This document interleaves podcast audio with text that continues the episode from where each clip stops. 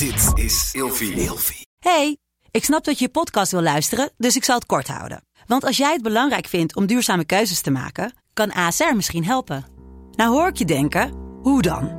Nou, bijvoorbeeld bij het duurzaam herstellen van schade. Of de premies die we beleggen volgens ons duurzaam beleggingsbeleid. Dat bepaalt waar we wel en juist niet in investeren. Wil je meer weten over welke duurzame keuzes ASR maakt? Ga dan naar asr.nl slash duurzame keuzes. ASR doet het. Zo, dan kan je nu lekker naar je podcast luisteren. En pas net boven het Amerikaanse kamp, eh, omdat we toen meer krachten op de controls gingen zetten om te kunnen afremmen. Ik probeer het een beetje in. eh, ja, knapt alsnog die stang. Ja, dan ga je dus spinnen. En dan eh, kom je dus in een andere richting op de grond terecht met een redelijke klap. En eh normaliter is een Cougar, de heli waar ik in, vlieg, in ik vlieg, topzwaar. Maar omdat we dus die tien man achterin hadden zitten, lag dat zwaartepunt lager. Dus ik dacht toen wij met een hele schuine hoek op de grond terecht kwamen, slippend door het grind, eh, dat we om zouden klappen. Dus ik had mijn helm al tegen het raam gezet, zo van nou, daar komt hij. En eh, we klappen eigenlijk terug. En iedereen stapte dus gewoon compleet heel uit. Nou, er is nog nooit iemand in de hele wereld zo ongeveer die deze eh, dingen heeft overleefd. En ik heb er ook heel lang mee gezeten, wel waarom ik dat wel overleefd heb. En iedereen met mij. Maar daar kom je dan niet uit.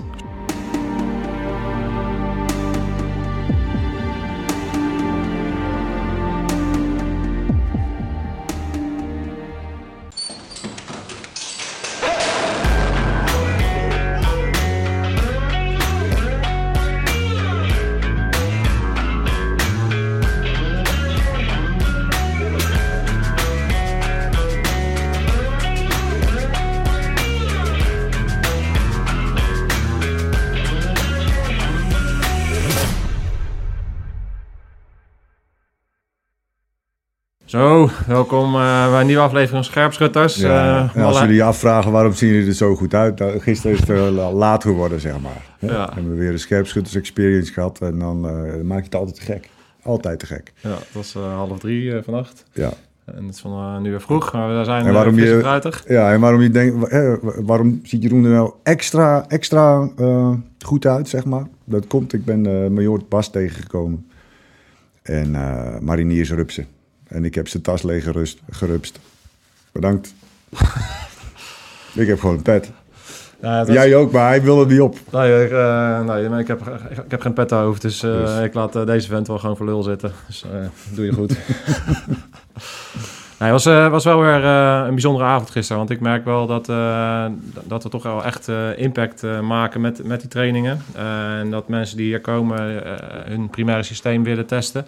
En willen kijken uit welk hout ze gesneden worden. En of, of dat nou mensen zijn die naar een AT willen of op een politieacademie zitten. Of die een groot team aansturen in de corporate. Of gewoon op zoek zijn naar hun eigen grenzen. Ja. Eh, zien we toch dat eh, het model wat we gebruiken eh, ja, leidt tot resultaten. En dat, ja, dat vind ik echt heel erg tof om te zien. Dus bedankt voor iedereen die er gisteren was. Ik hoop jullie ook nog aan het nagenieten zijn. Ja, gisteren is dan een paar weken geleden, gisteren. hè, Want we Ja. lopen nog maar flink voor, vooruit. We lopen alweer vooruit. Ja. Hey, en vandaag hebben wij weer een hele toffe gast. Ik heb er onwijs veel zin in om met haar in gesprek te gaan. Eh, ook weer een gast, want dat, is, dat begint een beetje een traditie te worden... die eigenlijk aangedragen wordt door, door jullie. dus eh, ik vroeg van, eh, ja, weet u nog een toffe gast? En toen werd Dominique, die, moet- die moet je een keer op de call nemen. Dus zo, zo ontstaat dat. En ja, nou, ik heb contact met jou gezocht en je stond er meteen voor open. Dus heel erg tof dat je er bent. Ja, dank. Superleuk.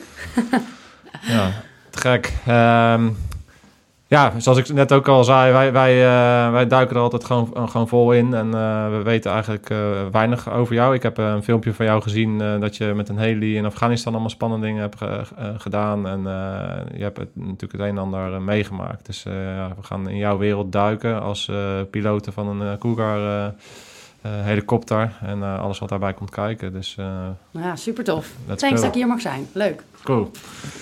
Hey, ja, eh, wie, eh, Wie ben jij? wie ben jij eigenlijk? Wie ben jij eigenlijk? Wie ben ik? Nou ja, dat zit natuurlijk eh, meerdere kanten aan, denk ik. Oh, Maar eh, in principe ben ik gewoon Dominique Schrijnemachers, dochter van Hermie en Harry met een zus Florence. eh, die in 2002 de militaire opleiding inging.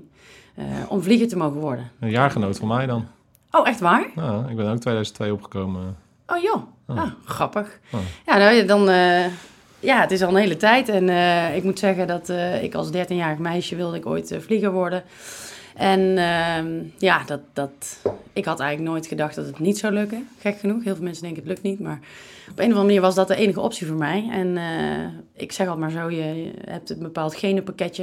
En dat heb ik te danken aan mijn ouders. En dat genenpakketje was precies zo opgeleid dat ik door alle keuringen kwam. En uiteindelijk mocht doen waar ik altijd van dacht dat het bij me zou passen. En eh, nu, eh, 17 jaar verder terugkijkend, eh, klopt dat exact.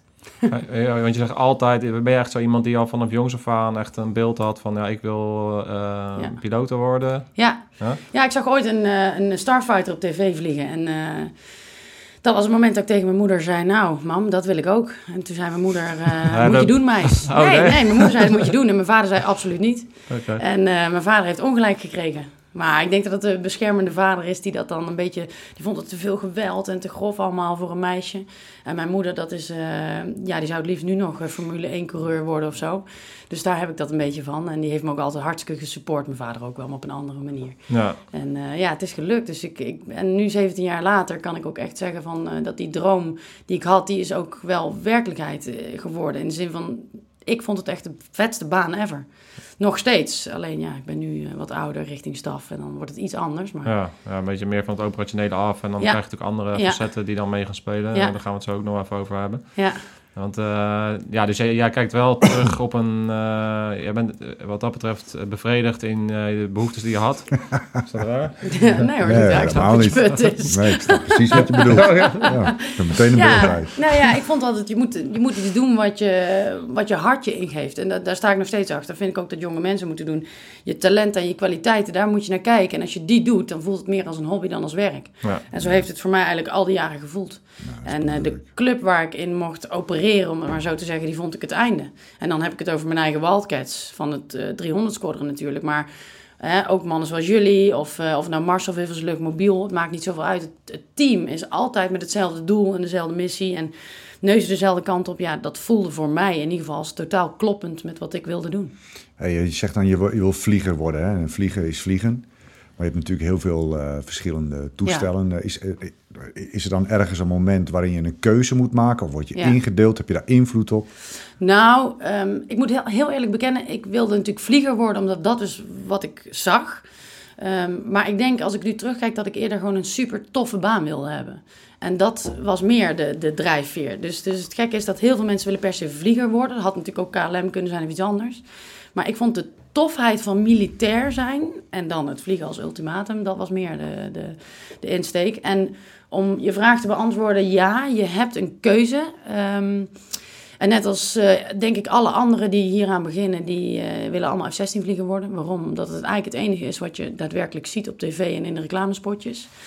En na alle keuringen en de KMA kom je dan op een gegeven moment op de MVO, de elementaire militaire vliegeropleiding in Woensdrecht.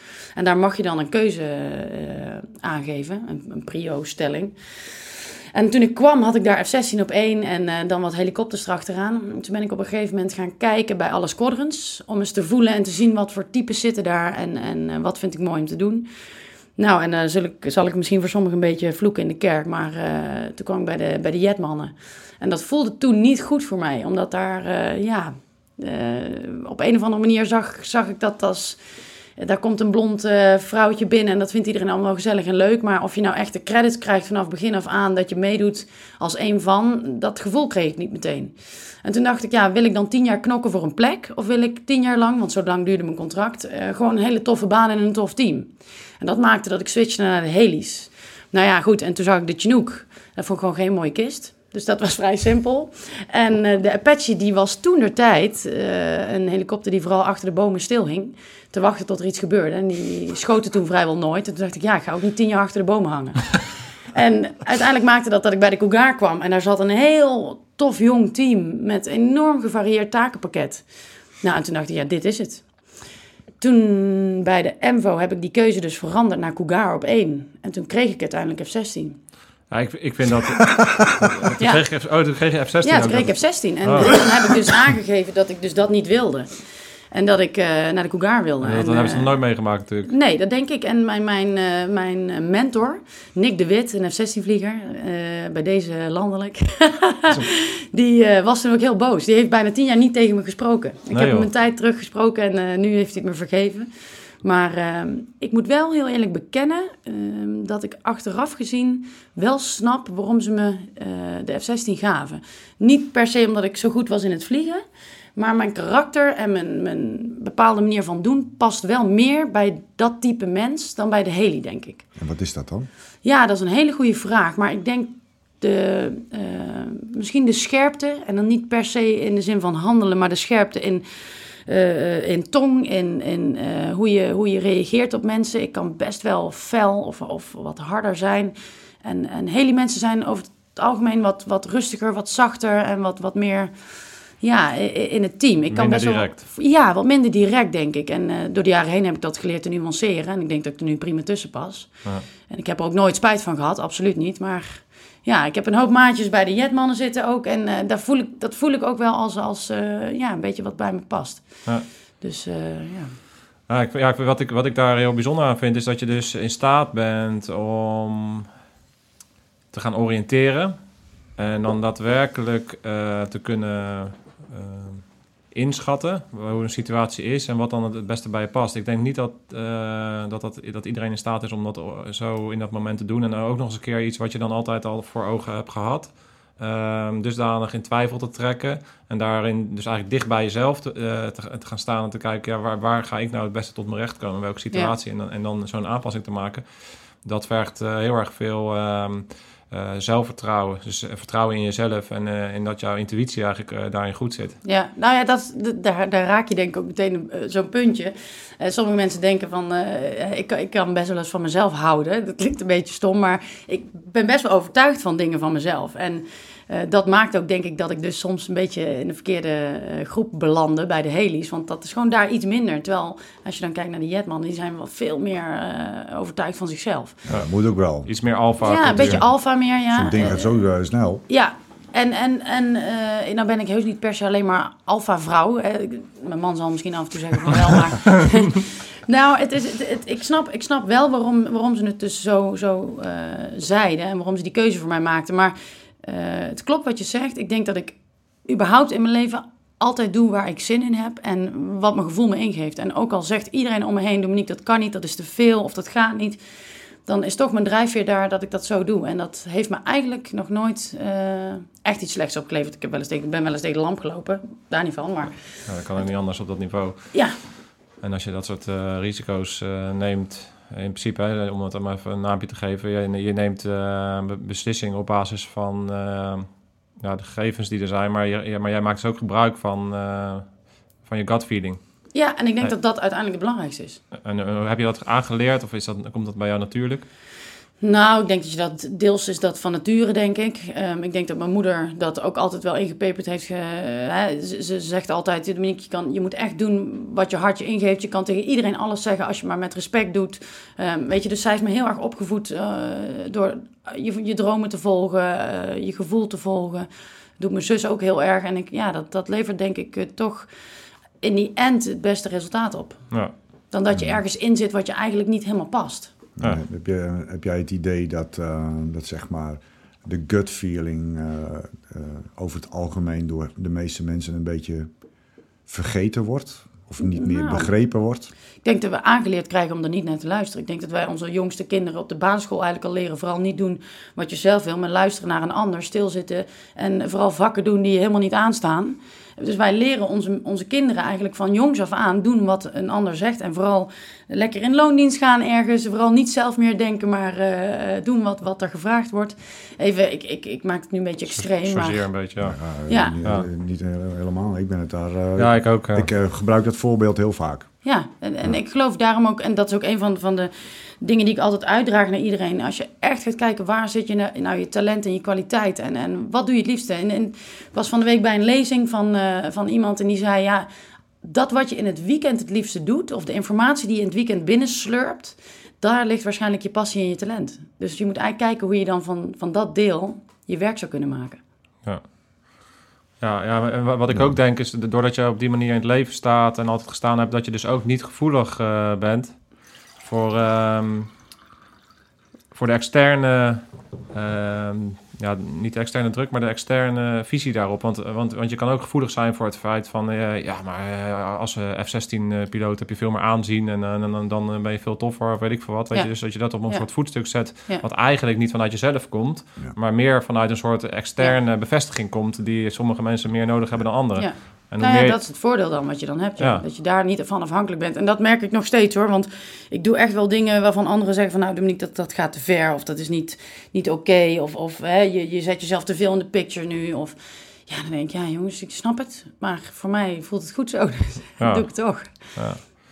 Ja, jij, jij noemde al een beetje de, ehm, de cultuur. Hè? Je bent een, eh, een- een vrouw binnen een mannenwereld. Eh, hoe, hoe heb jij daar, ehm, ben je er tegen dingen aangelopen? Hoe ben je daarmee omgegaan eh, verder in, je- in gedurende je loopbaan? Vrij brede vraag, maar... Nou ja, nou ja het, is, het is een vraag die me natuurlijk veel gesteld wordt. En die denk ik ook wel terecht is. Het is een illusie om te denken dat je als vrouw eh, helemaal niet opvalt tussen al die kerels. Nou. Want eh, dat is nou eenmaal wel zo. Goh.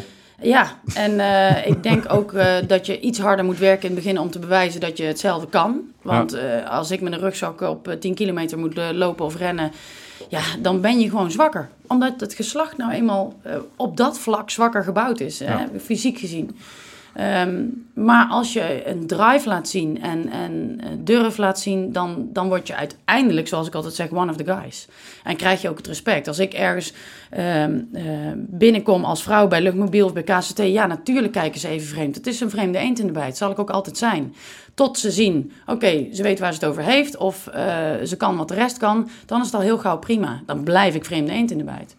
Als ik in Afghanistan in de, in de eh, eetzaal binnenkwam, er zitten 2000 man. Ja, als ik een, een botertje laat vallen en dat op moet rapen, weet waarschijnlijk de hele zaal het. Ja. Als een kerel dat doet, zie je niks. Als ik ga staan squatten in de sport, ja, dan heeft iedereen eh, daar een, een mening en een idee bij. Ja. Nou, dus moet ik gaan zoeken hoe ik ergens in een hoekje een squat kan gaan maken om te trainen. Ja, dat zijn dingen, zijn ze altijd leuk? Nee, vind ik niet. Ik vind dat wel eens lastig en ik vind dat ook wel eens moeilijk en je voelt dat. Maar ik denk dat ik daar prima mijn weg in gevonden heb in de loop der jaren.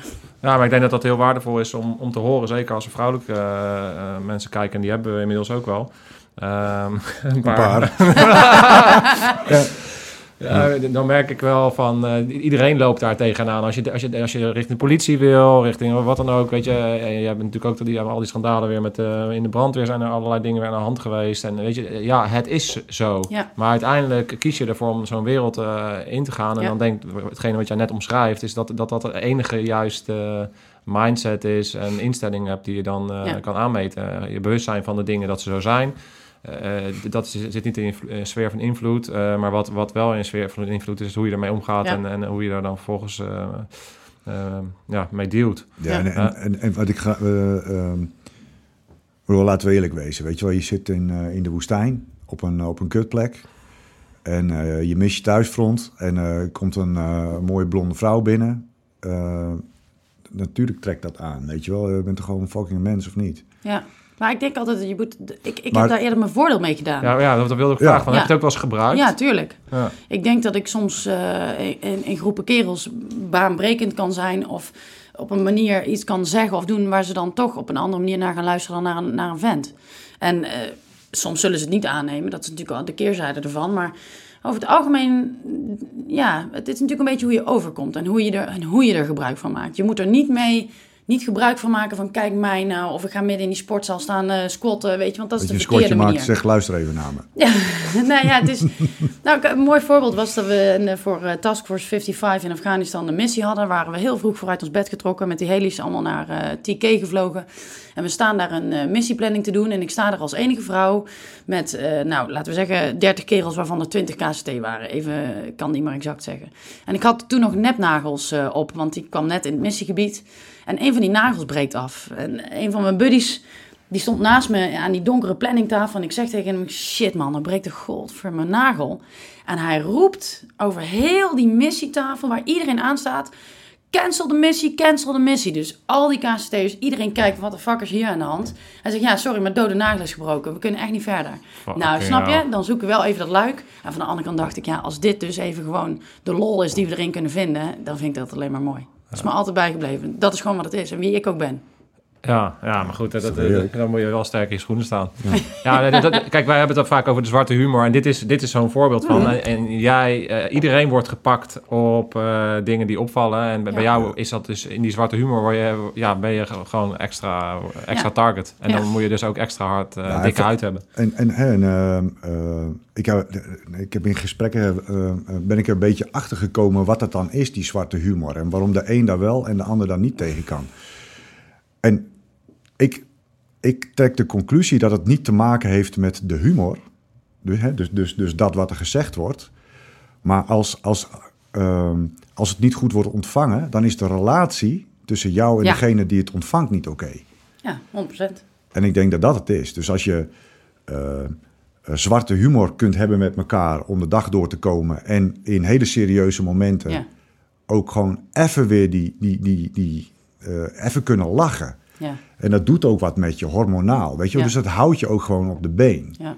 En dat is de functie van zwarte humor. En dat kan alleen maar als de relatie onderling heel sterk en heel goed is. Ja. Ja, maar eh, dat, dat, dat, dat is zo, ben ik ook met je eens. Maar ik denk wel in zo'n situatie, als je net in missiegebied komt, dan is die relatie nog niet opgebouwd. En dan heeft het ook een andere functie. Het heeft ook een soort, het is ook een soort eh test, Test, of zo. ja. Weet je, het is gewoon Het is testen. even, even gewoon eh, bam, erin klappen.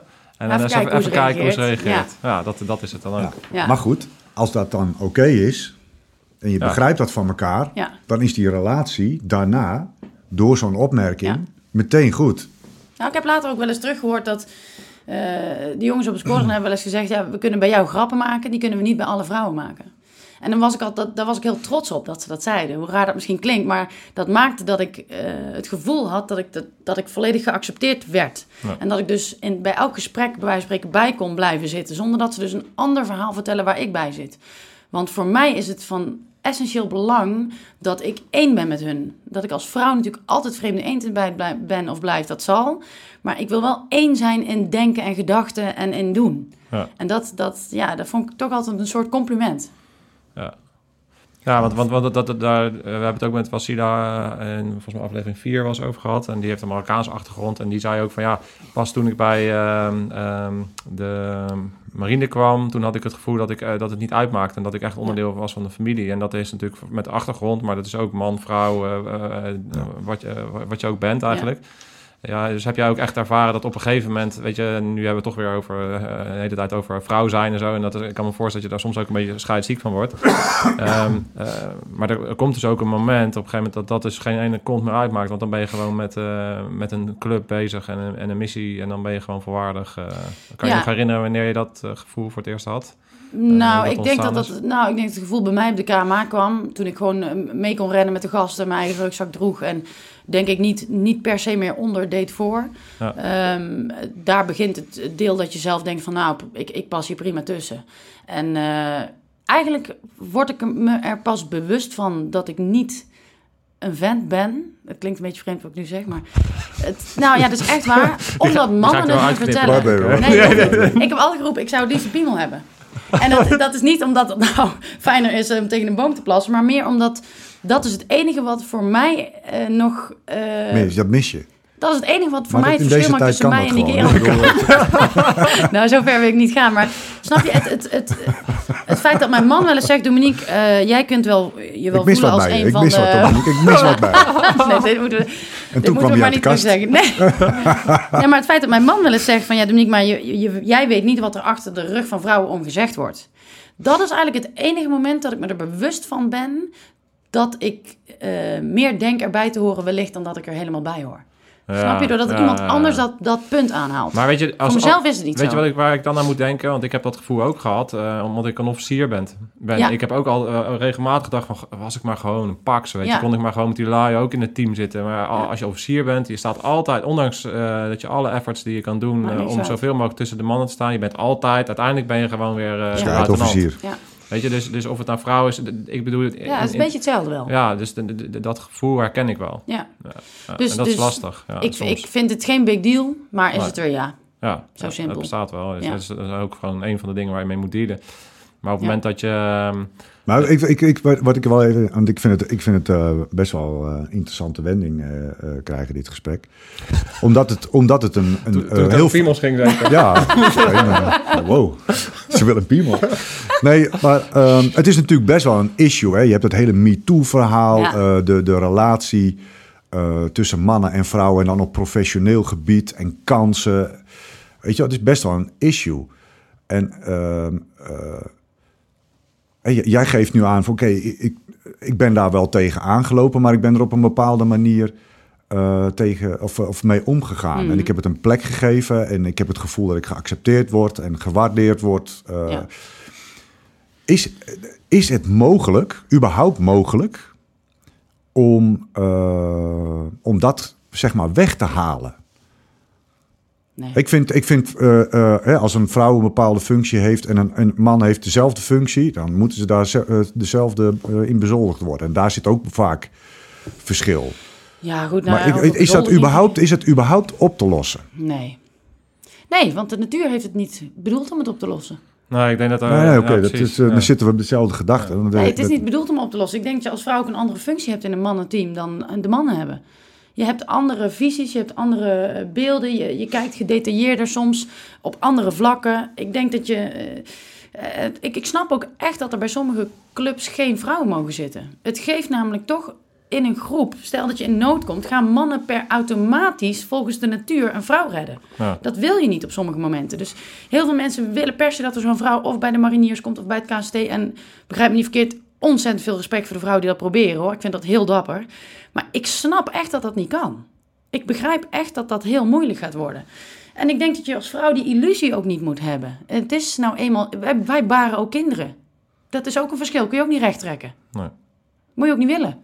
Dat is zo bedoeld. Ik denk dat je daar gewoon bij neer moet leggen. En daar waar het wel kan, moet je het proberen zo dicht mogelijk bij elkaar te brengen. En dat heb ik gedaan, bijvoorbeeld door militair vlieger te worden met 55 of met luchtmobiel of wie dan ook in Afghanistan missies te vliegen.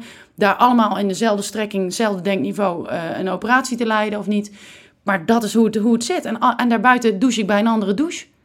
Ja, nou en? Het is wat het is, zo zie ik het. Ja. Klaar. Nee, eh, Niet meer over lullen. Dat het, Ja, pik het even op in de media en eh, doorgaan. ja. Zoiets. Hey, wat... ehm, kijk, je, bent, eh, je wordt geaccepteerd en dat heb je ook gezegd... eh, omdat je uiteindelijk gewoon een vakvrouw bent... en je weet waar je, waar je over lult... en, eh, en hoe, hoe je... Oh, het verkeerde woordkeuze. Ja, ja, ja, maar dat is wat ze graag, dat is wat ze graag wil hebben. Dus, dat kun je bij haar niet vaak genoeg zeggen. Zo is. Eh, ja, wat ik weet niet, weet ik niet meer wat ik wilde zeggen. Nee, gekheid. Wat, ehm, eh, ja, du- dus, dus ik ben benieuwd van hoe jij op een gegeven moment eh, ben jij eh, gaan vliegen. En hoe is, hoe is, hoe is dat? Hoe is dat eh, voor het eerst om in, zo'n... Ja, je gaat natuurlijk in zo'n simulator en dingen. Kan je daar eens wat over vertellen over de opleiding... en hoe je dan uiteindelijk vlieger wordt? Nou ja, het begint natuurlijk in principe na de KMA, want KMA is natuurlijk voor iedereen gelijk. Ehm, en ja, dan ga je eigenlijk een soort van opleidingstraject in waar werkelijk alle kanten die je als mens maar hebt eh, even aan het licht komen en die alles uit je halen wat erin zit, laat ik maar zo zeggen. En dat heeft te maken met een, een, een MVO, hè, die militaire vliegopleiding waarin je een super steile leercurve moet laten zien. Die gaat testen of je stressbestendig bent, of dat je eh er tegen kan dat je niet altijd in je comfortzone zit en dan toch nog moet kunnen leren. Of dat het nou survivalen is, eh, in de meest bizarre omstandigheden gegijzeld worden. Ja, en dan ga je daarna in zo'n helikopter zitten en heb je al die dingen gehad. En dan is helikoptervliegen aan zich lastig om te leren in eerste instantie. Maar al het andere ervoor was eigenlijk zo zwaar, of zo pittig, dat ja, ik vond dat vliegen eigenlijk alleen maar heel erg leuk. En helikoptervliegen, ja, dat is in eerste instantie, je hebt zoveel verschillende eh, controls, eh, stuurdingen waar, je mee, waar je mee moet leren omgaan, dat dat even lastig is. Als je Maar- op die manier wordt uitgedaagd, hè, met, eh, de eh, waar je het net over eh, vertelt... eh, waar zat jouw grootste uitdaging? Boah, dat is een goede vraag. Nou, die, eigenlijk, ik vond al die survival trainingen best wel pittig. Ehm, daar leer je in ieder geval om te kijken naar hoe je reageert natuurlijk in de omstandigheid dat je het echt niet meer leuk vindt. Ik heb daar ook gezien dat ik best wel in staat ben om een kopje erbij te houden, ondanks dat het eh, een hele benarde situatie wordt. Maar mijn grootste leerpunten lagen eigenlijk op de KMA. Dat ik met mijn grote waffel en, en, en voor mijn idee mijn snelheid... eh, soms eh, over de rest heen wilde schreeuwen en doen. En eh, ze hebben me op een gegeven moment een keer een soort van verrast op een niet leuke manier. Dat ze me in een lokaal riepen en daar stond iedereen al klaar. Maar dat wist ik niet. En ik werd naar binnen geroepen. Toen hebben ze me toch even duidelijk verteld dat de manier van doen zoals ik hem deed, dat, dat ze dat niet gingen pikken. En dat dat moest ophouden. En dat waren voor mij eigenlijk meer de punten dat ik dacht... Oeh, Do, je hebt een grote waffel, je wil je laten zien. Je denkt in die mannenwereld ook nog harder te moeten schreeuwen... misschien dan eigenlijk nodig. En dat waren eigenlijk, denk ik, meer bijzondere leermomenten voor mij. Dat ik een stapje terug moest En, doen. en, en, en kun je voor jezelf terughalen waar dat vandaan komt? Zeg maar, hè, het, het feit hoe je, hoe je eh, binnen die KMA eh, jezelf manifesteerde. Nou, ehm, het, het, het, ik denk dat het voortkomt uit... eh, alles komt voort uit je jeugd. Hè? Dus dat, daar ben ik van overtuigd. Dat, eh, de patronen die je jeugd leert, die eh, neem je mee naar later. Ook al zijn ze niet meer altijd even handig. En vanuit mijn jeugd had ik geleerd om, om te knokken en te vechten. En, en vooral iedereen en alles te controleren en te beschermen eh, wat me dierbaar was. En ik denk dat ik dat heel erg ging doen op de KMA. Om maar zo hard mogelijk mijn best te doen om het als eerste te weten, als eerste te laten zien. En eh, ja, me, me, me, te bewijzen denk ik heel erg. Terwijl als ik nou zo'n stapje terug deed, ik me meer bewees misschien dan dat ik zo eh, hard liep te roepen en te, en te papegaaien. Dus ja, het, was meer denk ik dat ik gewoon vanuit, vanuit, mijn, vanuit mijn binnenste voelde... ik moet laten zien wie ik ben en, en ja, wat ik waard ben. Terwijl als je dat iets minder doet en je luistert wat meer... je misschien soms dat meer laat zien. Eh, is, is dat ook een les binnen Defensie die uiteindelijk eh, de, de transitie is van, eh, van individu naar team? Ja, ik denk dat iedereen dat wel te leren heeft op een ander vlak. Ja, En voor mij was het dit vlak dat ik beter moest leren luisteren en kijken naar de rest in plaats van alleen naar mezelf. En, Ja. en eh, ik vond dat toen overigens heel lastig hoor. Dat heeft me echt wel eventjes wat gedaan en ik was er ook echt wel even stuk van. En dat heb ik later op het scoren ook nog wel een paar keer eh, gehad. Maar dat heeft me absoluut gevormd tot, tot iemand die nu veel beter in het leven staat en weet waar ik zelf sta ook. En, en hoe ik naar anderen kijk en anderen naar mij. Ja. Dus het heeft me alleen maar eh, eh, ja, meer opgeleverd, zeg maar. ja. Ja. dat levert je wat op omdat je er wat mee doet. En omdat je ervoor Ja. open staat. Ja. Ja, nou weet ik niet of ik op dat moment per se er zo voor open stond. Toen Nee, maar vooral dat- allemaal klootzakken. Ja. Dat ze me er zo eh, eh, in hadden laten lopen, zeg maar. Maar ja, achteraf zie ik de waarde daar absoluut van. Ja. Ja, ja, is het ehm, ook als je even in hun eh, positie gaat staan, hè, als je vanuit de andere kant is het ook wel eh, heftig om het eh, op zo'n manier te doen. Ik heb, dat, eh, ik, heb, ik heb die situatie ook wel meegemaakt dat mensen eigenlijk, wij noemen dat dan naar rechts richten. Dan wordt eigenlijk gewoon iemand, eh, iemand even in de Ja, lijn naar rechts ja, gericht. precies. Iemand valt te veel op of, Ja. of, of is, is te veel eh, Aanwezig. aanwezig Ja. of, of, of, op een manier. zijtrein getrokken. Ja, wordt even in het zijtrein getrokken, een paar Nou stompen. ja, en dan, ja, dat is eigenlijk wat het was, ja. maar het is best wel een, een harde wereld wat dat Ja. betreft. En iedereen die daar instapt moet dat wel beseffen. Dat, Ja. dat het gaat soms gewoon... en dan, en, en dat gaat, dat, dan word je eigenlijk gewoon zo hard op je kern gepakt. Want Ja. het is gewoon iets wat vanuit jouzelf helemaal Ja. komt. En wie je bent en waar je gevormd bent. En op dat moment word je gewoon even keihard gewoon, eh, Ja. ja. naar rechts gericht. En, eh, en dat, dan moet je... Ja, jij moet daarmee gaan dealen. En, Ja. en dat is... eh, Ik vond het op het scoren ook wel eens lastig hoor. Want daar hebben ze me met regelmaat bitch genoemd. Of dat ik hard was. Of een van de strengste. Of, en, ik, en deels vind ik dat nog steeds goed. Sta ik er ook achter dat ik soms zo ben. Ehm, maar ja, wat ik zeg, ik heb ook wel geleerd dat het op sommige momenten handiger is om... Niet iedereen kun je zo benaderen of behandelen misschien. Heb je, heb, eh, wanneer is, het risico dat dat gedrag, eh, dat is eigenlijk een soort primair gedrag, het eh, meest terugkomt? Wat je vaak ziet is eh, hoe hoger de druk wordt, ehm, hoe meer je in je primaire gedrag eh, terug, eh, terug gaat vallen. Heb jij later in je carrière momenten gehad dat je ehm, eigenlijk terugviel in dat gedrag onder hoge druk en dat je je er meer bewust van werd en daardoor je gedrag hebt aan, aan kunnen passen? Nou, dat vind ik eigenlijk wel een goede vraag. Maar ik denk... Hij denk- stelt altijd echt hele Denk goede ik vragen. niet, ja. nou, dat ben ik inmiddels van achter. Nee, dit is... Ik leer daar zoveel van. Ik denk, ik denk eh, niet dat me dat zo.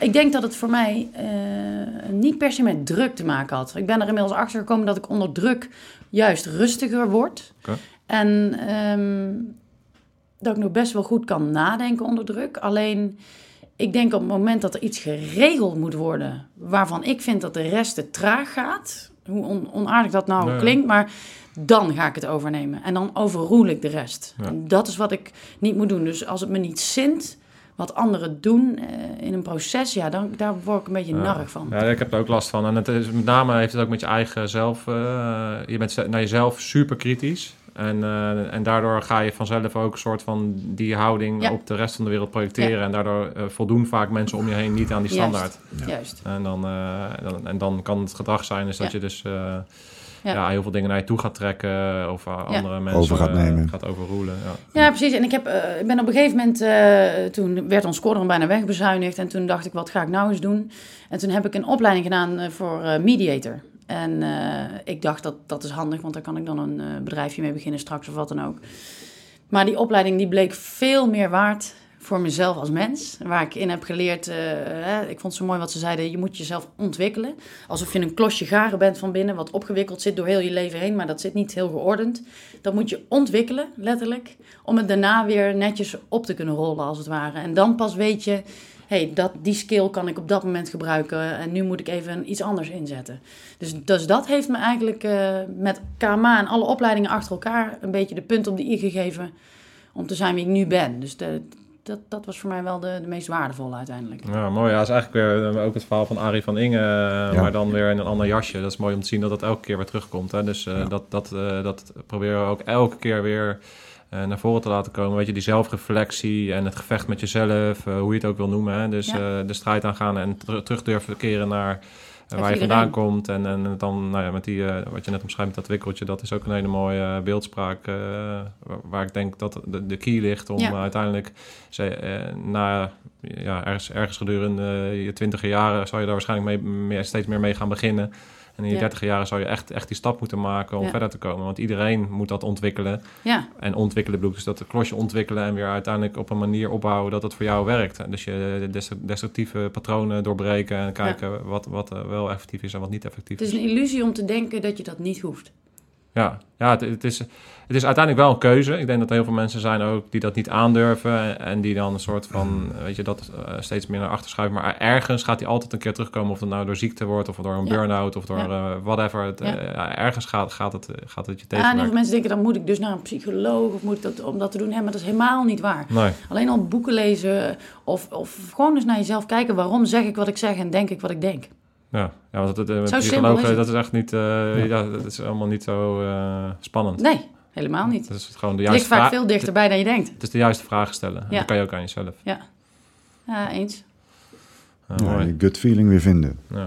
Ik denk dat dat belangrijk is. En ik denk dat, eh, eh, de- dat je zeg maar eh, gedurende hè, in je jeugd, je jonge jeugd, eh, allerlei systemen ontwikkelt om met je omgeving om te kunnen gaan. Ja. En eh, eh, dat geldt natuurlijk niet voor iedereen, maar op een gegeven moment gaan die systemen, die, die worden eigen, worden een soort onbewuste manier van coping, eh, die uiteindelijk ergens in de weg kan gaan zitten. Ja, en ik denk dat iedereen dat op sommige vlakken, en de Ja, meer dan de 100%. ander. Dus denk ik ook dat iedereen er wat... Volgens mij komt daar ook die term eh, dertigersdilemma vandaan. Ja. Dat je dan op het punt komt in je leven voor de echte keuzes. Hè? Waar ga ik nou echt wonen? Ga ik echt aan kinderen beginnen? Ga ik echt met deze man of vrouw trouwen? En dan in één keer komen alle kerndingen nog eens naar boven. Ja. Volgens mij lopen er dan de meeste tegen de lamp. Ja, maar je, ziet- je ziet wel dat, dit- dat- dat- al die dilemma's en dingen, het wordt allemaal steeds jonger en eh, steeds eerder. En Ja. mensen worden steeds vroeger ook eh, zelfbewust, ook omdat er steeds meer informatie is en, en, en dingen. Dus ik denk dat, dat het ook onverwacht wat jonger kan komen. Maar wat... ehm, ik ben ook even benieuwd naar jouw avonturen. Want volgens mij heb jij best wel heftige dingen meegemaakt. Eh, in de zin van, een, eh, je, hebt natuurlijk, je vertelt al over trainingen. En ik weet ook dat je dan, eh, ik heb die trainingen ook gedaan. Kan ook de after capture, weet je. Dus dat Ja. je gevangen genomen wordt achter de linies. En Ja. wat er dan met je gebeurt. En eh, ja, dan komen we toch weer terug op het feit. dus ik vond dat al heftig, want dan krijg je, eh, je wordt, ja, je moet een totale controle kwijt. Je krijgt, eh, je wordt in stresshouding gezet. Je bent al moe, je hebt niet gesnurkt, je bent helemaal naar de kloot. En dan word je ondervraagd, ondervraagd en onder druk gezet. Weet ik het Een allemaal niet. blootje neergezet en dan zeggen ze eens van... hé, hey, jij hebt geen piemel. Nou, dan kom, je weer, wel, een knak, weer een knakmomentje. Ja, dan kom je wel weer terug op het feit van als vrouw ben je nog eens een keer extra kwetsbaar. Hoewel ze van, eh, in Afghanistan ook wel van jongetjes houden. Dus dat maakt wat dat betreft niet zoveel uit. Nee. Maar ehm, ehm, ja, dus, dus die trainingen doe je. En vervolgens eh, ga je op missie met al die bagage die je hebt. Maar die trainingen eh, die doe je niet voor niks, want dat is een reële situatie. Kan je ons, ons meenemen naar het moment dat jij eh, in Afghanistan bent en je bent aan het vliegen en je doet verschillende missies. En op een gegeven moment gaat het mis, volgens mij. Ja. Ja, dat was eigenlijk een, eh, eh, een hele normale dag. Zo begon die. We hadden 's ochtends al een missie gedaan. En smiddags belden ze vanuit die key of wij alsnog eh, een aantal mensen konden ophalen omdat de Hercules kapot was. Of dat, die, die transportbak. En natuurlijk doe je dat, want het waren collega's en die willen naar huis na 3,5 maand, 4 maanden. Dus wij praktisch niet gebriefd. En dat is eigenlijk uitzonderlijk voor ons als vliegers. Normaal nemen we elke seconde zo ongeveer door. Maar dit was zo simpel, even op en neer naar TK, dat we zeiden, nou makkelijker als dit wordt het niet. En eh, nadat we ze op hadden gehaald bij TK, staat er op een eh ridgeline, dus op een bergkam, daar staat een vent van de Taliban, eh, tenminste naar alle waarschijnlijkheid, met een, heeft, hebben de mannen van het KCT een beetje bedacht dat het een PKM moest zijn, een Russisch volautomatisch wapen. En die heeft eh, een soort eh, ja, gordijn van kogels eh, in de lucht geschoten. Daar vlogen wij doorheen. En een van die kogels die raakt onze ja, drive shaft noem je dat in de term. En dat is eigenlijk de stang die tussen de hoofdrotor en de staartrotor zit. Nou, als die breekt, dan eh, kennen we dat uit de films, dan gaat je helikopter spinnen en dan is het klaar. En deze eh, stang die is bij ons eh kapotgeschoten, maar heeft wel nog een klein stukje houvast gehad. Maar eh, al die metaalschiffers hebben wel alle hydraulische leidingen, dus de olieleidingen doorgesneden, waardoor we geen controle meer hadden eh, binnen de sturingsorganen. Eh, dan ga je eigenlijk als een soort van stuurbekrachtiging verlies je dan. Dus je kan nog wel sturen, maar dat is heel zwaar. Nou, en met alle schakeltjes toch nog op een rij opgelijnd hebben we met alles wat we geleerd hadden in ons leven aan trainingen het zo weten te managen dat we twaalf minuten lang een soort van descent, dus een, een, een, eh, omlaaggaande vlucht richting een Amerikaans kamp. En pas net boven dat Amerikaanse kamp, eh, omdat we toen meer krachten op de controls gingen zetten om te kunnen afremmen. Ik probeer het een beetje in... eh, ja, knapt alsnog die stang. Nou, dan ga je dus spinnen. En dan eh, kom je dus in een andere richting op de grond terecht met een redelijke klap. En eh normaliter is een Cougar, de heli waar ik in, vlieg, in ik vlieg, topzwaar. Maar omdat we dus die tien man achterin hadden zitten, lag dat zwaartepunt lager. Dus ik dacht toen wij met een hele schuine hoek op de grond terecht kwamen, slippend door het grind, dat we om zouden klappen. Dus ik had mijn helm al tegen het raam gezet, zo van nou, daar komt hij. En eh, we klappen eigenlijk terug. En iedereen stapte dus gewoon compleet heel uit. Nou, er is nog nooit iemand in de hele wereld zo ongeveer die deze eh, dingen heeft overleefd. En ik heb er ook heel lang mee gezeten, wel waarom ik dat wel overleefd heb. En iedereen met mij. Maar daar kom je dan niet uit. Survivors eh, dilemma noemen ze dat volgens mij. Hè? Ja, ja dat is heel gek, hè? Dat je Ja. eigenlijk bedenkt van, nou, dit is, dit is wel te bizar voor woorden dat ik dit heb overleefd. Maar ja, goed, het was mijn tijd niet, zeg ik altijd maar. En we zijn eruit gestapt. En eh, gedurende die twaalf minuten denk je dan aan al die trainingen. Of in ieder geval niet zo specifiek, maar de basics komen meteen terug. Van oké, als ik op de grond kom, welke wapens heb ik? Wie heb ik achterin zitten? Wat zijn de procedures? Wat is mijn deel van de procedure? Want je bent als crew, met de trainingen die je hebt, verantwoordelijk ook voor die tien man achterin. Want die hebben die trainingen niet en waarschijnlijk ook geen wapens bij zich. Dus dan moet je natuurlijk in één keer na gaan denken over hoe en wat. En dan realiseer je dat je vrouw bent. Dus ik had mijn eh, hoofddoekje, wat ik altijd bij me had, ook al eh, iets omhoog getrokken in mijn broekzak. Want ja, je weet gewoon, als, als man ben je precies wat jij zegt, ook wel de sjaak bij die, eh, bij die gasten. Maar ik denk als vrouw, ja, gebeuren er misschien nog wat extra dingen. Gok ik zo eens. Maar ja. Ja, kan je, kan je zo, want vliegt dan daar. Hè? En je omschrijft al een beetje eh, alle trainingen, maar, maar dat zijn, ik denk ook achteraf ga je natuurlijk dat plaatje terugdraaien en ga je al die dingen invullen. Maar kan je, kan je ze helemaal proberen terug te gaan van dat moment dat je dus eh, realiseert van ik ben geraakt? Wat Ja, gebeurt ik wil eigenlijk, ik, ik vind het, sorry, maar ik, wil, ik wil eigenlijk daarvoor, want wat, wat ik heel interessant vind, hè, is dat De routine. hoe het begint. Ja. Dus hè, wij, wij hebben het daar in training ook wel over. Ehm, hebben jullie, het, jullie hebben het eigenlijk als een soort routinevlucht gezien. Ja, Zo van, nou, makkie, doen we even. ja, En, en stap je over al je eh, normale eh, eh, procedures heen ja. binnen voorbereiding. Ja. En ehm, heeft, en, nou, nou, kan het ongeluk, zeg maar, heeft niks met routine te maken, omdat je gewoon wordt, hè, wordt beschoten vanuit de lucht. En dat zie je natuurlijk ook niet altijd aankomen. Nee. Ehm, heeft die routine, dat- heeft, heeft dat nog wat met je gedaan? Zo van, hey fuck, het is eigenlijk gewoon een routinevlucht en het loopt zo af.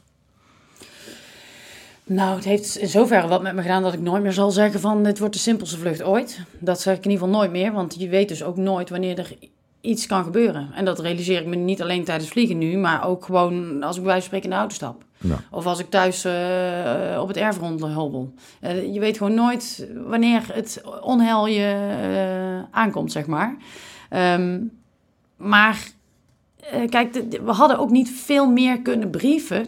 Dat, dat is niet per se wat ik wil zeggen, maar de gedachte met hoe je vertrekt en hoe anders het kan lopen, maakt wel dat je misschien wat minder dingen checkt van tevoren. Dus we wisten, we hadden gewoon keurig netjes onze intel en we hadden keurig netjes eh, eh, een lijn in de kaart. Dat hadden we allemaal wel gedaan zoals het hoort. Maar waar we normaal bij wijze van spreken misschien nog voor een missie zouden kijken, hey, mocht het misgaan, dan kunnen we daar naartoe om te landen of kunnen we daar naartoe. Maar deze route was zo bekend voor ons. En die deden we zoveel dat we dat, dus, dat deel niet gedaan hebben. En uiteindelijk tijdens die vlucht, toen dat allemaal gebeurde, heeft hè, de andere crew en de andere helikopter, die heeft ons gezegd van god, waarom ga je niet naar dat en dat kamp? Frontenac in dit geval. Ja, fantastisch dat hun meedachten, want dat hadden wij zelf niet bedacht. Wij waren zelf waarschijnlijk teruggedraaid naar TK.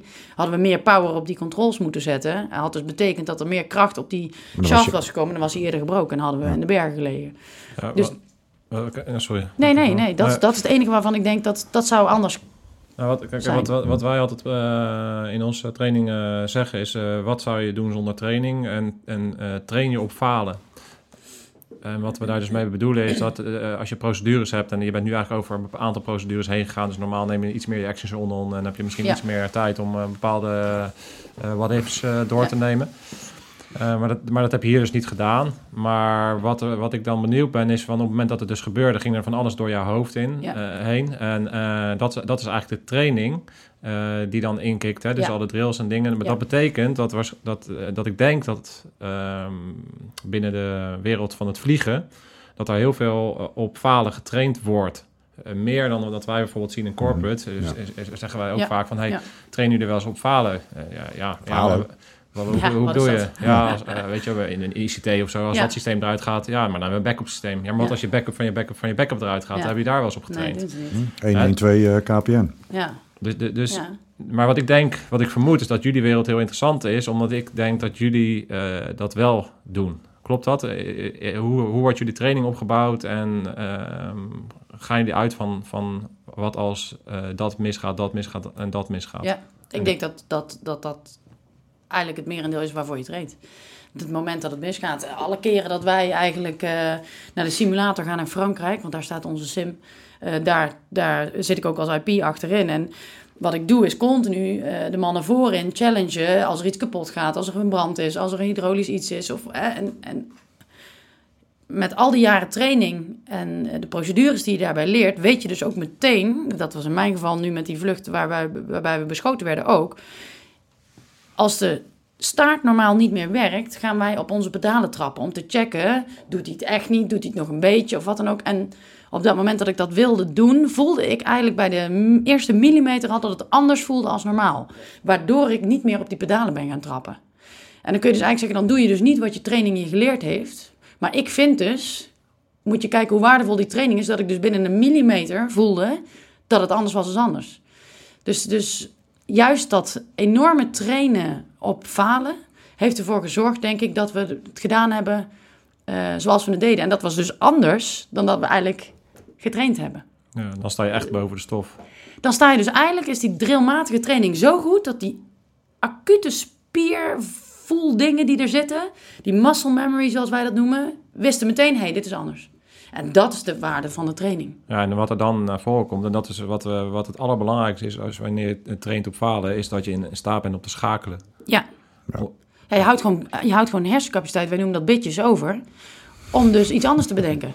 Ja, maar dat is omdat je al die dingen zitten zo in je systeem, daar hoef je niet over na te denken. Nou, je kunt heel snel schakelen, je kunt Dat heel geeft snel ruimte. beslissingen nemen. Ja. Ja. En dat, Ja. zijn, dat kunnen dus ook beslissingen zijn die niet in een vooraf getraind eh, eh, plan zitten. Nou, het, is, ik vind het, is mateloos interessant, want wat je vaak ziet is ook mensen die bijvoorbeeld naar een AT willen of weet ik wel. Het allerbelangrijkste wat je moet kunnen is kunnen schakelen. Ja. En ze noemen Ja. dat actie-intelligentie, geeft er een naampje aan, maar het gaat gewoon, kan jij schakelen? Ja. En wat ze dan vaak denken is van ja, maar dan, en dan ga ik daar heel veel over leren en dan ga ik dit doen, dan ga ik zus doen. Nee, je moet juist je moet jezelf in een situatie zetten waar je totaal niet weet wat er gebeurt. En, en dan ga je kijken hoe schakel jij als mens. Ja. En en, en dat, dat is het, eh, ja, het hout waar je uitgesneden moet zijn. Ja. Om, eh, en waarom jij in die, in, in die kist hebt gezeten. Ja. En waarom je het waarschijnlijk binnen in een F-16 ook goed had gedaan. Om, om, om- omdat je in staat bent om op dat eh, moment ehm, eh, te voelen, te, te, te ervaren wat op dat moment gebeurt, wat er op dat moment nodig is. En helemaal in dat moment te, eh, te- te zijn, in plaats van helemaal terug te schieten in je cognitief eh, gebeuren en te gaan denken over allerlei trainingen. Nee, je, je, bent op dat moment ben je bewust van het feit dat, dat, dat, dat die voetpedalen net even anders voelen. Ja. En, en daar, daar moet je... Maar de grap is dat als ik er nu achteraf over praat, weet ik dat dat, dat, dat de, de, de, de, de manieren zijn of de dingen zijn die, hoe ze zijn gelopen. Maar op dat moment heb ik natuurlijk niet gedacht, hé, hey, eh, ik ga nu iets anders doen dan dat mijn trainer. Hè? Dat is zo, Nee. En dat komt doordat de, die drills die zitten zo in dat krokodillenbrein. Ja. Dat gaat vol automatisch. En Ja. pas later realiseer je hoe je dat gedaan hebt en hoe handig dat is en hoe perfect drillmatig trainen dus werkt. Ja, er is niks cognitiefs bijgekomen. Nee, het is gewoon... Nee. eh, Nee, want ik denk dat alles in een stresssituatie gebeurt vanuit je zijn. En daar kun je van denken, ik ga zo doen of ik, ik ga dat zeggen. Dat, zo werkt het gewoon niet. En ik denk dat daar dus ook de selecties en alles heel erg goed voor zijn. Omdat je dus eh, eh, nooit weet hoe je reageert. Je, je moet een bepaald type of een bepaald mens hebben. Of dat nou voor het KST is of als vlieger. Of voor Mars of wat dan ook voor luchtmobiel. Je hebt een bepaalde reactie nodig van mensen. Dat zit in de inborst. Ja. Dat is, dat is trainbaar deels en deels is het in de inborst, denk ik. Ja, ja. En dat was mij. Ja, dat, je, Ja. je geeft in feite antwoord op de vraag die daardoor eh, is het trainbaar. Ik denk dat dat voor een deel trainbaar is. Eh, maar als je niet eh, voortdurend blijft trainen vanuit dat falen en, en, en ook echt een, een, een replica maakt van de training en Ja. niet een simulatie, Ja. dan. eh, hè, dus als je eigenlijk in simulaties traint, dan gaat het Ja. als je het nodig hebt, komt, er, komt het eruit dat, dat, dat, dat het niet goed, dat, het, de- dat je er dus niet geschikt voor bent. Ja, dat denk ik ook. En dat is ook nooit. Ik zeg dat wel eens tegen mensen die, die, hè, die denken dan: ik ben afgevallen voor de, voor de vliegenkeuringen. Ik ben niet goed genoeg. En dat probeer ik ook altijd om te draaien, want het heeft niks te maken met niet goed genoeg. Maar je hebt gewoon een bepaald genenpakketje, zoals ik in het begin al zei. En dat doet iets. En dat kan nooit goed of fout zijn, maar dat is jouw genenpakketje. En dan past dat deel niet helemaal bij jou. En, en ligt jouw kwaliteit dus ergens anders. En, en, en dat is een beetje hoe ik ook echt eh, denk dat jongeren zouden moeten gaan kijken en kiezen. Echt op hun inborst. Van wat, is nou, wat past nou echt bij mij en hoe reageer ik? Want als jij een, een freeze bent, hè, dus een, een, een verstijving als jij in angst bent, fijn. Doe dan vooral niet iets waarbij dat niet kan. Dat is helemaal niks mis met je, maar dat is dus hoe jij reageert. Ja. Exact. Nou, dat is wat wij ook proberen Hey, te en, laten zien ehm, aan mensen. Dat is, dat, eh, ik ben ook benieuwd naar eh, of er dan nog iets van emotie zit. We hebben laatst eh avonturier Mark Slats hier ook eh, in gehad. En die vertelt ook een verhaal dat hij op een gegeven moment tijdens een zeiltocht een, enorme storm kwam. En dat hij zo'n moment had dat, dat, dat, dat zijn carbon deur werd ge- doorgebroken, dat water binnenliep. En dat hij zoiets had, dit, dit, dit is mijn, dit, dit is klaar. Ja. Dit is, het is nu gewoon een einde verhaal. En wat hij heeft toen heel mooi omschreven wat er toen met hem gebeurde. En dat hij dus ook een soort van een ja, rust in zijn hoofd kreeg en precies ging doen wat hij moest doen. Ja. Kan, kan je je nog naar dat moment terughalen? Ehm, dat heb je natuurlijk al zo, zo vaak gedaan, maar kan je nog iets voelen van eh, wat er emotioneel met jou gebeurde? Heb je, eh, want je hebt dus wel nagedacht over dingen die er gingen gebeuren, maar kan, kan je daar nog iets meer over vertellen? Ja, ik denk dat. ehm, eh, ik heb natuurlijk eh, de tape eh, van de cockpit. En de grap was toen ik van de tape nog nooit gehoord had, had ik een hele hoop ideeën bij wat ik allemaal gezegd en gedaan had. En toen ik de tape terughoorde, eh bleek, bleek ik eigenlijk veel rustiger gehandeld te hebben. En bleek, bleken wij als crew veel rustiger te zijn geweest dan wat ik in mijn hoofd had. Dat had overigens de rest van de crew ook. En wat ik ook hoor op die tape bevestigt ook de emotie die erbij zit. Dat ik continu in stapjes eh, mijn zekerheden zoek. Dus op het moment dat mijn gezagvoerder tegen me zegt... we gaan naar Frontenac, naar dat andere kamp... dan hoor ik mezelf in mijn emotie dat vastgrijpen als een soort nieuw anker. Oké, Frontenac. Waar is Frontenac? Frontenac ben er sneller dan ooit. Daar hoor ik mijn emotie. Die voel ik ook als ik dat zeg. Want ik wilde zo snel mogelijk aan de grond staan. Ik voelde dat dit eigenlijk eh, heel slecht zou aflopen. Dat het, ik dacht echt dat we dood gingen op dat moment. En, ik, en, ik, en ik, de tape bevestigt mijn emotie dat ik dus echt dat elke keer als ankerpunt. Oké, zakken. Oké, we gaan nu zakken. Dat is mijn nieuwe houvast. Ik ga nu me concentreren op dat zakken. Ik ga nu concentreren op kijken waar ligt de helipad. Ik ga me nu elke keer, hoor ik mezelf die stappen maken. En, en dat is voor mij ook de emotie die ik erbij voel. De angst om niet een houvast te hebben en dus niet weten wat je gaat doen. Snap je wat ik daarmee Ja, wil ik zeggen? helemaal wat je Ja. bedoelt. Ja. Ja. ja, bijzonder toch? Ja, dat is, dat is heel bijzonder, ja. Ja. Nou, en ook eh, het, het bevestigt... ehm, kijk, je bent altijd bang voor het moment dat je niet weet hoe je gaat reageren. Of bang eh, in de zin van, je, je, je hoopt maar dat je de juiste dingen doet en zegt... en, en op de juiste manier handelt.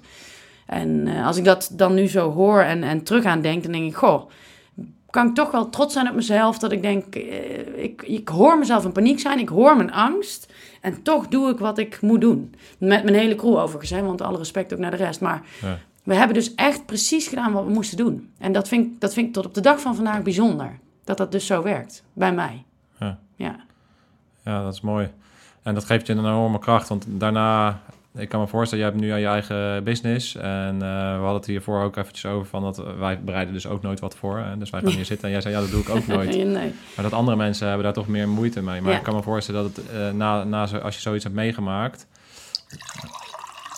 Ja, anders moet ik een aantal mensen teleurstellen. Die zitten op dit momentje te wachten. Ik denk, Oh, echt waar? Doe me eens even. Ja, het, wa- het watermomentje moeten... Hij was het toch. Dat is de gimmick. Dat is de gimmick. Ehm, kan ik me voorstellen dat jij ehm, daarin een soort... Door die actie zo'n dusdanig vertrouwen in jezelf hebt gekregen. eh, want ik, ik heb dat ook ervaren met eh, militairen. Dat ik aan het eind van mijn uitzending... dat ik eh, gewoon voelde binnen de eenheid van... dat is, we, hebben ons vuur, we hebben nog geen vuurgevecht gehad. We moeten, mensen willen zo graag zeg maar, dat Ja. moment voor zichzelf opzoeken... en zo graag weten van hoe ze dan handelen. Nou, jij bent eigenlijk op die manier binnen jouw vak op de ultieme manier getest. Ja. En voor jezelf ben je met, eh, met vlag en wimpel geslaagd. Ja. En, en dat, dat dat een soort rust heeft, heeft, heeft, het, heeft het jou rust gegeven of meer vertrouwen? Wat, wat heeft het jou gebracht? Ehm, deze vraag werd me toevallig laatst ook een keer gesteld. Wat heeft het je gebracht? En mijn enige antwoord daarop kan zijn, is de Boost Company, mijn eigen bedrijf. En eigenlijk alleen maar goede dingen. Ik heb, door wat ik heb meegemaakt, wat, wat hartstikke heftig was eigenlijk... maar dat heb ik om weten te zetten naar iets positiefs. In de zin van dat ik gewoon nog meer geloof heb... en nog meer vertrouwen heb in het feit hoe de militair getraind wordt. En dat ik ook echt denk dat anderen daarbij gebaat zijn. En doordat je als militair zo getraind wordt, je ook eh, bijna gewoon zeker kan zijn van de momenten dat er iets gaat gebeuren. Of dat nou thuis is of ergens anders, maar dat je gewoon gaat handelen. En actie gaat nemen. En, en dat kan in een panieksituatie zijn, maar het kan ook voor iets heel simpels zijn als een opdracht uitgeven wat dan ook. Je, je kan gewoon staan waarvoor je staat, want dat doe je gewoon goed. Dat, daar mag je gewoon van overtuigd zijn. Als je maar ook je, je dingen doet die je ervoor kan doen. Maar het heeft me gewoon het vertrouwen gegeven dat, dat wij als militair daar echt, wij worden zo briljant getraind. Ik vind het zo vet. Ja, echt waar. Ja, ja want dat, dat al, alles heeft geleid tot dat moment. Ja. En dat heeft jou gebracht op, op, 100%. op dat moment dat jij in staat was om, om die Ja. actie eh, uit te voeren. Dat was gewoon eh, ja, de samenkomst van alle training en, eh, en wie jij bent. En de ook dat team, hè? Want als je Ja. dat op die tape terug hoort, hoe dan iedereen zijn deel doet. Ja, dat, dat, dat is net een ge, ge- ge- ja, geoliede motor. Het is gewoon fantastisch. Vind ik echt. En er gaat echt niet alles goed, hè? Dat, dat is niet wat ik zeg. Want er zijn Nee. echt nog wel verbeterpunten ook daar te horen. Maar ja, je bent zo... Ja, het is gewoon bijna één. Dat vind ik echt bijzonder, ja. En, hoe, en jij je zegt van eh, de Boost Company, hoe, heb jij eh, die wens en eh, het feit dat je ziet van de, manier waarop militair getraind wordt, is eigenlijk zo belangrijk. En daar hebben we eigenlijk als maatschappij, noem ik, Ja. vul ik even in, zoveel aan. Daar wil ik wat Ja. mee gaan doen. Hoe heb jij dat, hoe doe je dat met, met, jou, met jouw Boost Company? Het is eigenlijk zo dat ik ben begonnen met mijn verhaal te vertellen. Omdat ik merkte dat, waar ik ook zat op een verjaardag of wat dan ook, dat mensen dat verhaal interessant vonden. Al voor de crash ooit. En eh, toen ik eenmaal eh, dat, dat deel van het verhaal erbij ging betrekken, werd het alleen maar groter. En toen merkte ik dat ik daarmee mensen kon inspireren en aanzetten tot anders denken. En die crash was niet zozeer het verhaal wat, ze, wat, wat ik per se wilde vertellen, maar dat maakte het, het ankertje waarom mensen wilden luisteren.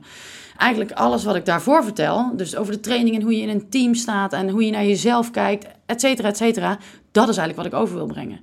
En eh, die lezingen, die monden weer uit in, in uh, boostcamps, waarmee ik bedrijven mee naar buiten nam uh, om te gaan leren hoe wij dat dan doen.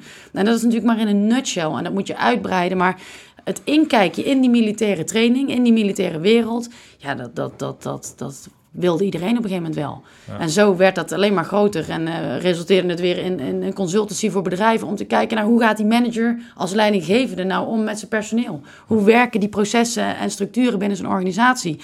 En eh, 20% is uh, natuurlijk branchegerelateerd, maar 80% van elk bedrijf is hetzelfde. Of het nou Defensie heet, of dat het nou uh, een willekeurig ander bedrijf is. De mens, de mens, de mens, zoals de admiraal Kamer uh, zei, toch? ja, dat is echt waar. Human capital, ja, is super mooi. Want het grappige is, als ik dat hoor, dan ga ik ook helemaal... want dat hebben wij precies hetzelfde. Ja. Want, want jij zegt eigenlijk, die, die crash is, is eigenlijk het haakje. Ik, ik, noem dat altijd het witte konijntje uit Alice in Wonderland. Ja. En dus dat is hetgene wat je ziet en die wil je volgen. En volgens kom je in de hele wereld uit. Ja. En zo, dat hebben wij, wij, wij gebruiken ons SF-achtergrond en AT-achtergrond natuurlijk ook eigenlijk gewoon van, van om gewoon mensen aan te trekken. Maar vervolgens zitten, hebben een hele diepe boodschap die ja. we willen overbrengen, want, want daar zit het echte, ja. de echte waarde. Ja, uh, ja en dus dat is ook wel dat ik maar dat sommige mensen denken, um, en zonder daar verder op in te gaan, dat ik wel eens gewoon in de picture wil staan met mijn verhaal over die crash. Maar dat is zeg maar alles wat het niet is. Ja, ja precies. Maar dat krijg ik soms best wel moeilijk uh, bij nou, mensen in hun hoofd. Ik, ik ja. denk dat zo'n zo'n crash en, en, en, en wat, uh, hoe je dat beleefd hebt en wat het met je heeft gedaan... ook uh, een, een, een, hele mooie metafoor is voor, voor heel veel zaken. om, om iets te verduidelijken. als je het hebt over van, fuck it, weet je wel.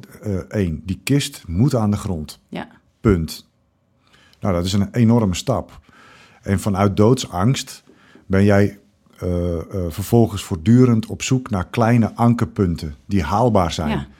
Hè? Dus niet wat niet haalbaar is, maar nee, wat nee. haalbaar is. Ja.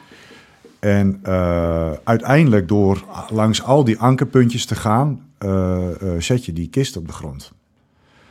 Hè, nou, nou, dus, dan kun je zeggen van, nou, dat is meer geluk dan wijsheid. Ik, ik denk het niet. Ik denk dat daar gewoon echt iets gebeurt door een doel te hebben. Die kist moet aan de grond. En stap voor stap, geen stap overslaand vanuit gevoel. Ankerpunten zoeken die uiteindelijk leiden tot het halen van je doel. Ja. En wij zien dat heel veel gebeuren uh, in, in trainingen. Daar geven wij mensen ook een doel. Uh, vanuit onze achtergrond. En uh, mensen die, die, die slaan alle stappen die we ze meegeven te doen vaak over ja. om heel snel bij dat doel te zijn. Ja. En daardoor gaat het fout. Ja. En die metafoor uh, is, is, is volgens mij voor, voor iedereen toepasbaar. Voor, voor jonge kinderen uh, op school, uh, voor mensen die willen studeren, voor mensen die willen uitzoeken waar ze naartoe willen in het leven, mensen die leiding gaan geven binnen een bedrijf, ja. what have you. Ja. Past overal op. Ja, dit is voor iedereen toepasbaar, ben ik ervan overtuigd. En, dan, en, en, de grap is dat als ik wel eens ergens een, een, lezing geef, dat mensen denken: ja, ja, maar het is niet helemaal op ons uh, van toepassing. Want jij, bij jullie draait alles om leven of, en dood. Of, uh, en dan denk ik: ja, dat is, de, dat is de uitvergrote versie van wat je elke dag meemaakt, eigenlijk. Ja. Iedereen heeft het elke dag. Je hebt een stip. Exact. En hoe kom ik bij die stip? En die stip moet je opdelen in stapjes, anders is hij hem niet behapbaar. Ja. Nou, dat. En uh, ja, leven en dood. Maar binnen een bedrijf heb je toch ook een soort leven en dood? Je kunt als bedrijf toch gewoon maximaal ja. over de kop gaan? Ja. En wat moet daarvoor gebeuren? Als Ja. dat dan eens een keer je uitgangspunt is om eens te kijken naar je bedrijfsstructuur, de manier waarop je georganiseerd bent, et cetera, et cetera, dan heb je toch dezelfde metafoor. ja, Dat is toch gewoon één op één eh, eh, eh, te, te bekijken. ja. Ja, de, het, het type stress wat daarbij bij, bij komt kijken is misschien anders. Hè? De doodsangst kun je niet vergelijken met Nee. de stress van... oh, kut, we gaan nou een klant verliezen waar we, hè? en dan gaat het ineens helemaal mis. Dat is anders. ja. Want het leven gaat daarna wel gewoon door. Ja. Maar wat er gebeurt met een individu en met een team in het bijzonder... Is één op één te vergelijken met wat jij hebt meegemaakt met je team in die heli. Ja, en daarom, daarom vond ik het ook net wel, wel goed wat jij ook zei. De, de, het draait allemaal om de mens. En als iedereen nou... Bij ons is dat dan uitvergroot in die training. Maar als iedereen echt gaat kijken naar wie ben ik, wat doe ik, wat zijn mijn sterke kanten, wat zijn mijn zwakke kanten en waar staat de rest van mijn team, ja, dan kan het alleen maar beter gaan. Dat is, dat is inherent aan elkaar. Wa- Wat vind jij het mooist? Want jij zegt, eh, binnen jouw bedrijf heb je dus corporate, maar eh, ook teams en ook, komen, kunnen ook individuen bij jou aanmelden voor een training? Of? Nou, in zoverre dat we dat nog niet doen. Eh, ehm, en dat is meer omdat we, eh, we zijn hartstikke aan het groeien. En dat, is, dat betekent dus dat er ook vraag is naar deze kennis. En, daar, eh, en dat, is, dat was ook mijn oorspronkelijke doel. Hè, om- de mensen dus een inkijkje te geven eh, in de militaire wereld van trainingen of wat dan ook. Maar ja, ik heb, ik heb nog een hoop dromen en een hoop ambities. En nog een hoop takken bij de Boost Company die we moeten uitrollen. Maar het gaat nu stap voor stap. En individuen zitten daar op dit moment nog niet bij. Nee. Maar iedereen kan bellen. ja, sluit Eén achter moet in de de eerste zijn, hè? Ja, mooi. Ja, kan je eens heel, heel kort voor, eh, beschrijven wat, wat, wat de core van jouw eh, bedrijf is? Want je, gaat je gaat naar buiten toe hè? en eh, je, je gaat eigenlijk een, een, een beleving ook meegeven. En, en- Ja. Ja, dat is één onderdeel. Hè. We hebben dus die inspirational speeches. We hebben een aantal super bijzondere sprekers die een verhaal kunnen vertellen, die je helemaal meenemen in deze wereld. En, en echt om, dat is puur voor de mind een beetje aan te zetten. Ehm, daarop volgend eh, ehm, doen wij natuurlijk de, de boostcamps, waarbij we een bedrijf, een team meenemen in een, eh, een sessie naar buiten. Waarbij we ze de controle eigenlijk wegnemen, die we normaal zo fijn vinden en zo heerlijk eh, vast hebben altijd. Omdat je dan heel snel tot de kern komt van je reacties. En eh, die reacties die kun je heel makkelijk gebruiken om dus iemand te, te laten kijken naar zichzelf en dus zijn sterke en zijn zwakke punten te laten zien. En als je die van jezelf kan zien, sta je ook meer open voor die van een ander. En zo krijg je dus dat ieder individu bij ons heel erg veel leert over zichzelf en hoe die reageert. En hoe die vooral, ehm, waar die vooral nog wat te leren heeft. Maar ook dat hij weet hoe die in zijn team staat en hoe zijn team naar eh, hem of haar kijkt. En dat maakt dat dat team er verder sterker uit gaat komen. Nou, en als je dan binnen consultancy kijkt, dan is het meer, meer het, het, het feit dat een manager of een leidinggevende is geen leidinggevende omdat hij zichzelf zo noemt. Of dat hij toevallig CEO achter zijn naam heeft staan. Maar een leidinggevende ben je alleen maar omdat de rest jou leidinggevende vindt. Dat is Letterlijk wat je gisteravond nog zei. Ja, ik vind, het- ik vind het heel gaaf. Ja. Want we, we hebben natuurlijk ook Je zit godverdomme mijn teksten op te noemen, man. Wat is dit nou? Niet naar de luisteren, lieve mensen. Naar mij luisteren. Nee, het is zo. Gisteren Dus, eh, het is eh, hebben wij eh, dat, hadden we datzelfde. eh, Dus- van, joh, weet, weet je, als je eh, een, een teamleader bent... Hè, of je bent een manager... eh, het is maar een naam, hè. En, en onze maatschappij zegt... Van, ja, maar als je manager bent, dan heb je beter gestudeerd... en dan weet je meer en dus mag je meer verdienen. Dat is wat onze maatschappij zegt. En dat hebben we allemaal geaccepteerd. Ja. Ik snap het niet, maar we hebben het allemaal geaccepteerd. Maar ben je het? Ja. En waarom hangen we daar een bepaalde lading aan? Hè, ik vind dat als je uiteindelijk een leidinggevende functie hebt en eh, aanstuurt eh, eh, de visie van de hogere legerleiding binnen je team neerlegt en die visie uitvoert en, en daar zaken mee doet en het gaat mis, dat je daar dan uiteindelijk verantwoordelijk voor bent. Klaar, maar ja, zoals ik het ken, weet je wat, dat- binnen, bi- binnen een echt team kan daar op het moment dat je jezelf aan het voorbereiden bent, geen sprake van zijn. Nee. Nee. Oh ja, dat, dat herken jij ook, want eh, jij, noemt ook meteen je team. En eh, jij, jij- bent op zeker, ik, ik ken je niet, maar niet langer dan dit uurtje. Maar ik weet zeker dat jij ook een, een leider bent die zich niet verheven voelt boven het team, maar onderdeel voelt van het team. Ondanks dat jouw rol anders is en ondanks dat jij uiteindelijk de laatste eh, doorslag moet geven in de beslissing bijvoorbeeld. Maakt dat je niet meer of minder dan iemand anders in je team. Nou, sterker nog, ik denk als mensen in je team zich minimaal evenveel waard voelen als dat jij eh, bent, zeg maar, dat ze ook veel harder voor je lopen en harder gaan werken en dat ze dat echt uit intrinsieke motivatie gaan doen. In plaats van dat ze het doen omdat ik het zeg of omdat het... Weet je, en, en, en ik, zeg, ik zeg ook wel eens gekscherend, eh, ja, als, als mensen dan zeggen, ja, maar Monique, je hebt helemaal geen eh, cv om, om ergens zomaar bij corporate binnen te komen of wat dan ook. Dan zeg ik altijd, ja, maar de grap is, je kan vier jaar of zes jaar of tien jaar management studeren, maakt je geen leider. Wij als militairen, en, en, en op elk vlak en elk niveau, ik heb 17 jaar lang management training gedaan. Ik heb alle soorten en maten gezien, maar van stressvolle situaties tot super simpele situaties en alles wat er goed en wat er slecht kan gaan. Volgens mij kan ik geen betere opleiding krijgen. Ja, en, en weet je wat? Staat alleen niet op een cv. Ik heb er geen boek voor gelezen. Nee, maar dat. Snap je? Ja, maar dat is, dat is eh, ehm, eh, eh, denk ik ook wel een ma- maatschappelijk probleem. Hè? Dus dat we eh, ervaring van mensen eh, daar, daar hechten we niet, zeg maar, Nee. in, in het contact maken niet heel erg veel waarde aan. Nee. Het gaat om eh, eh, wat je letterlijk kan laten zien Ja, ja, aan papiertjes. ja. ja dat denk ik ook.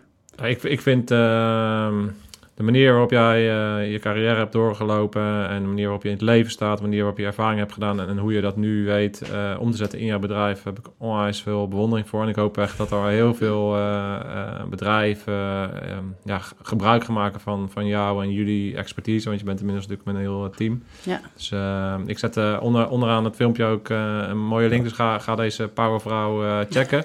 Ja, en wat ik heel mooi vind, eh eh, Do, is eh, dat jij ook vindt dat de militair, eh, die zeg maar eh, eh, bij Defensie weggaat, gewoon zich moet realiseren wat ze, godverdomme, dat hebben wij ook wel eens in hun rugzak hebben. Ja, Dat is zoveel waardevolle Ja. ervaring, waar je zoveel waarde mee kunt creëren in je omgeving voor andere mensen, bedrijven, what have you. ja.